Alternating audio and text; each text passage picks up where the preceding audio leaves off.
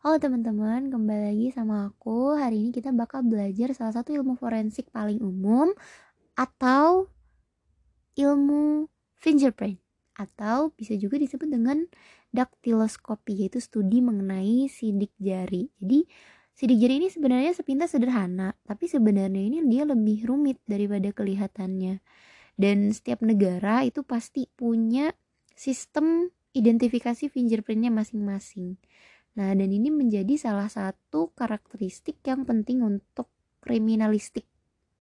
Nah, sejarah dimulainya mempelajari sidik jari itu dimulai dari sejak uh, yang telah diteliti itu dari 1792 sampai 1750 sebelum Masehi di mana uh, Babilonia itu dulu tuh bikin sidik jari di atas tanah liat gitu.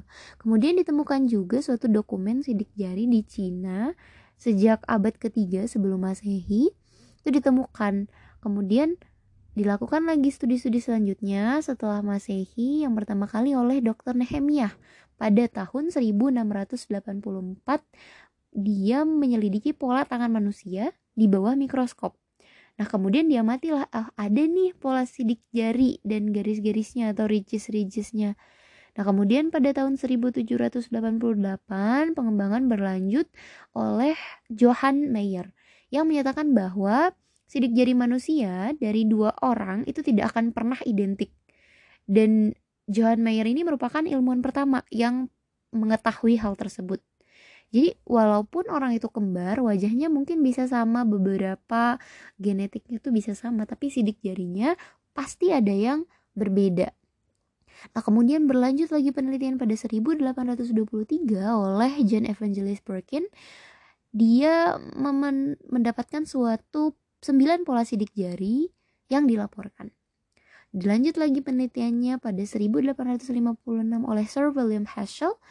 Dia mengumpulkan data sidik jari dan akhirnya mengetahui bahwa sidik jari itu akan selalu sama seiring berjalannya umur manusia.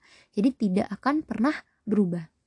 Lalu Alphonse Berthelin pada tahun 1883 kemudian menemukan cara identifikasi kriminal atau penjahat menggunakan sidik jari yang berulang. Jadi untuk seorang kriminal yang terus-terus melakukan kejahatan, dideteksi sidik jarinya kemudian diidentifikasi. Lalu pada 1888, Sir Francis Galton dan Sir Edmund Richard Henry akhirnya mengembangkan sistem klasifikasi sidik jari yang sampai sekarang ini bahkan digunakan di US. Kemudian pada 1891, Ivan Johann Foucault mengoleksi fingerprint dengan jari, lalu mencetak 10 jari dari fingerprint tersebut pada kartu, lalu mengidentifikasi siapa sih pemilik sidik jari dari pola yang ada pada kartu tersebut. Nah, kemudian pada 1896 uh, dibuat lagi sebuah sistem penentuan identifikasi sidik jari berdasarkan pemiliknya yang disebut juga dengan ten cards. Jadi 10 jari yang diletakkan pada satu kartu untuk mengidentifikasi siapakah pemilik sidik jari tersebut. Apa sih sidik jari itu? Jadi, sidik jari itu merupakan suatu pola yang dimiliki oleh seluruh jari tangan dan jari kaki yang tersambung dalam beberapa unit dengan unit-unit berbagai bentuk kayak dermal, friction, ridges. Nah, dermal, friction, ridges dan pola-pola lainnya yang ada di jari ini yang dapat menyebabkan kita itu dapat menggenggam suatu benda atau objek. Dan meskipun jari-jari kita itu keriput kena air atau di kolam yang lama atau misalnya pekerja kasar yang jarinya itu rusak itu pasti bakal tumbuh lagi dan akan tumbuh dengan pola yang sama. Jadi sidik jarinya itu akan selalu sama. Meskipun sudah rusak pasti bakal tumbuh lagi. Nah untuk jaringan eksternal itu pada manusia maupun hewan terdiri dari dua jenis yaitu inner dermis dan outer epidermis. Pembentukan sidik jari itu terjadi pada lapisan basal di epidermis di mana sel kulit diproduksi. Oleh karena itu, polanya itu tidak akan pernah bisa hilang. Dan bahkan sidik jari ini terbentuk pada minggu ke-10 kehamilan. Jadi bayi yang umurnya baru dua setengah bulan itu sudah punya sidik jari. Nah meskipun sebenarnya sidik jari pada bayi itu hanya lebih jelas di kakinya sehingga makanya adanya sidik kaki gitu untuk bayi bayi-bayi gitu. Dan untuk bagian basal layer di epidermis ini tumbuhnya itu sangat cepat.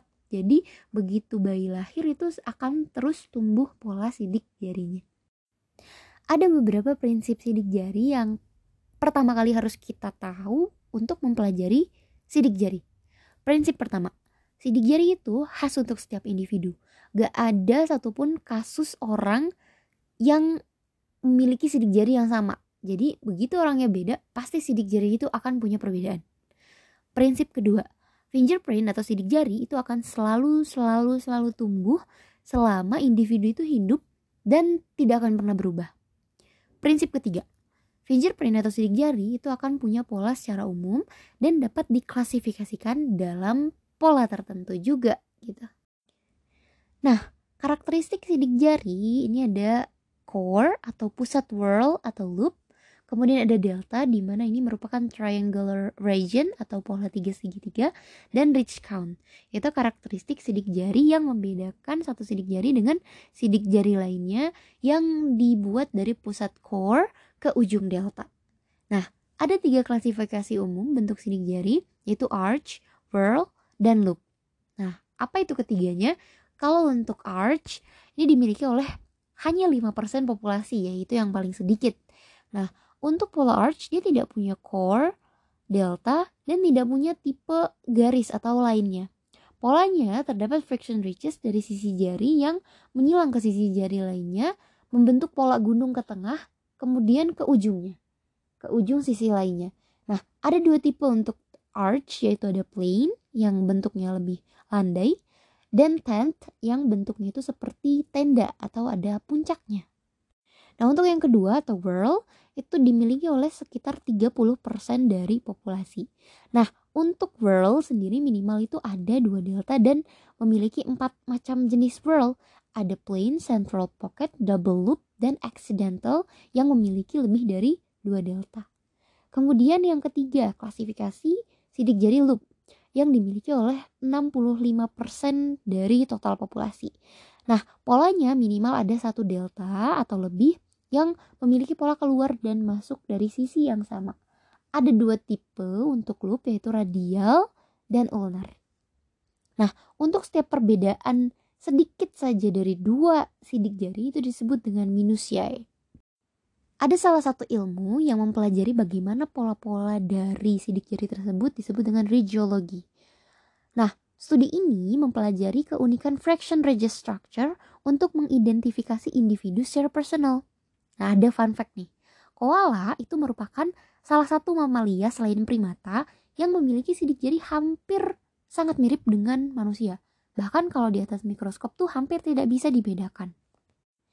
Jadi, uh, walaupun ada similarity-nya dan dia akan tetap memiliki perbedaan, dapat diklasifikasikan bahkan sudah memiliki suatu sistem identifikasi menggunakan fingerprint secara otomatis atau IFIS atau Automated Fingerprint Identification System. Nah untuk tipe sidik jari sebenarnya ada tiga tipe. Yang pertama yang paten di mana sidik jarinya itu tercetak pada suatu permukaan lembut seperti darah atau cairan lainnya gitu. Yang kedua itu plastik. Jadi di mana sidik jari ini tercetak pada suatu material soft. Nah seperti kayak clay atau tanah liat atau wax. Gitu.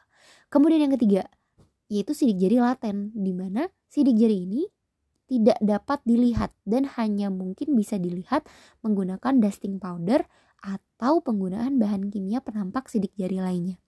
Untuk sidik jari laten, dia tidak dapat dilihat secara kasat mata, namun dapat diidentifikasi dari sekresi kulit manusia pada jarinya secara natural sehingga butuh pengembangan tersendiri untuk dapat menampakkan sidik jari laten tersebut. Jadi kita udah tahu nih, meskipun sidik jarinya bentuknya tidak bisa dilihat secara kasat mata, tapi dia punya hmm. sekresi. Sekresi ini dapat berasal dari tiga kelenjar. Yang pertama ada ekrin, yaitu sekresi dari zat anorganik seperti amonia, ion klorida, ion logam, dan fosfat. Kemudian ada sekresi senyawa organik, yaitu asam amino, asam laktat, urea, dan gula. Nah, ini merupakan hal dari kelenjar sekresi yang sangat penting untuk penentuan sidik jari.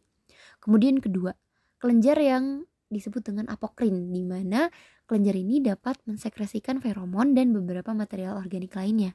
Yang ketiga atau sebaceous, yaitu uh, kelenjar yang dapat mensekresikan lemak atau greasy substances lainnya.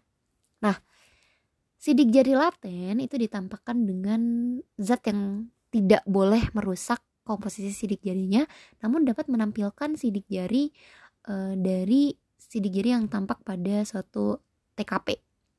Contohnya ada powder, kemudian ada iodine, dinhidrin. Ya, dinhidrin ini dapat bereaksi dengan asam amino dari sekresi kelenjar jari, lalu berubah warna menjadi ungu. Kemudian ada perak nitrat. Nah, perak nitrat dapat bereaksi dengan ion klorida yang disekresikan pada kelenjar ekrin membentuk suatu endapan AgCl yang dapat membentuk warna abu-abu jika terkena cahaya. Kemudian ada cyanoacrylat yaitu superglue dapat bereaksi dengan air dan beberapa konstituen sidik jari lainnya membentuk suatu whitish deposit. Nah, untuk beberapa lab modern biasanya itu menggunakan laser sebagai sumber cahaya alternatif untuk menampilkan sidik jari laten.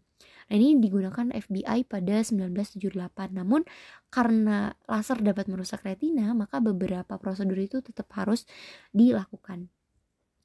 Nah, kemudian apakah fingerprint dapat dihapus? No. Tidak bisa dihapuskan atau tidak bisa hilang Nah, meskipun beberapa yang sudah tercetak itu dapat dihapus menggunakan cara kimia, tapi pada tangan kita itu tetap bakal tumbuh lagi. Nah, analisis forensik ini kan juga bisa uh, walaupun fingerprint ini dapat menjadi bukti yang kuat, namun tidak bisa selalu reliable untuk menjadi suatu bukti pada kasus kriminal. Jadi, apa aja sih hal-hal yang harus dipertimbangkan atau dianalisis selain sidik jari? Nah, Manusia itu juga punya identifikasi secara individu dari telinga. Bisa dilihat shape, length, width, atau bentuknya, panjangnya, lebarnya. Kemudian dari suara bisa dideteksi dari electronic pulse yang diukur menggunakan spektrograf. Kemudian ada kaki, dari ukuran kaki, jari kaki, atau ridgesnya.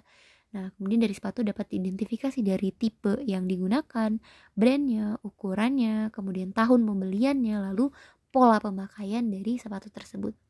Bisa juga dikuatkan dengan pola ridges dari palm atau lengan. Lalu jari kaki, kemudian dari pola bibir, gigi, kemudian ada kapiler-kapiler blood vessel, kemudian biometrik seperti retinal, pola iris, eh, suara, kemudian geometri tangan. Nah, beberapa pengembangan teknologi ini bisa juga membantu identifikasi dari pelaku kejahatan atau beberapa sidik jari yang dapat muncul di TKP. Nah, jadi summary untuk materi hari ini yang pertama, fingerprint atau sidik jari itu sudah lama digunakan sebagai identifikasi dari individu.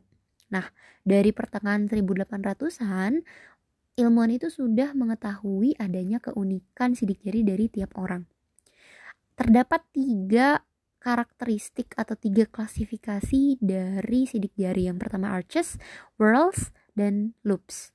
Nah, untuk analisis dasar itu mencakup core, delta, dan ridge count.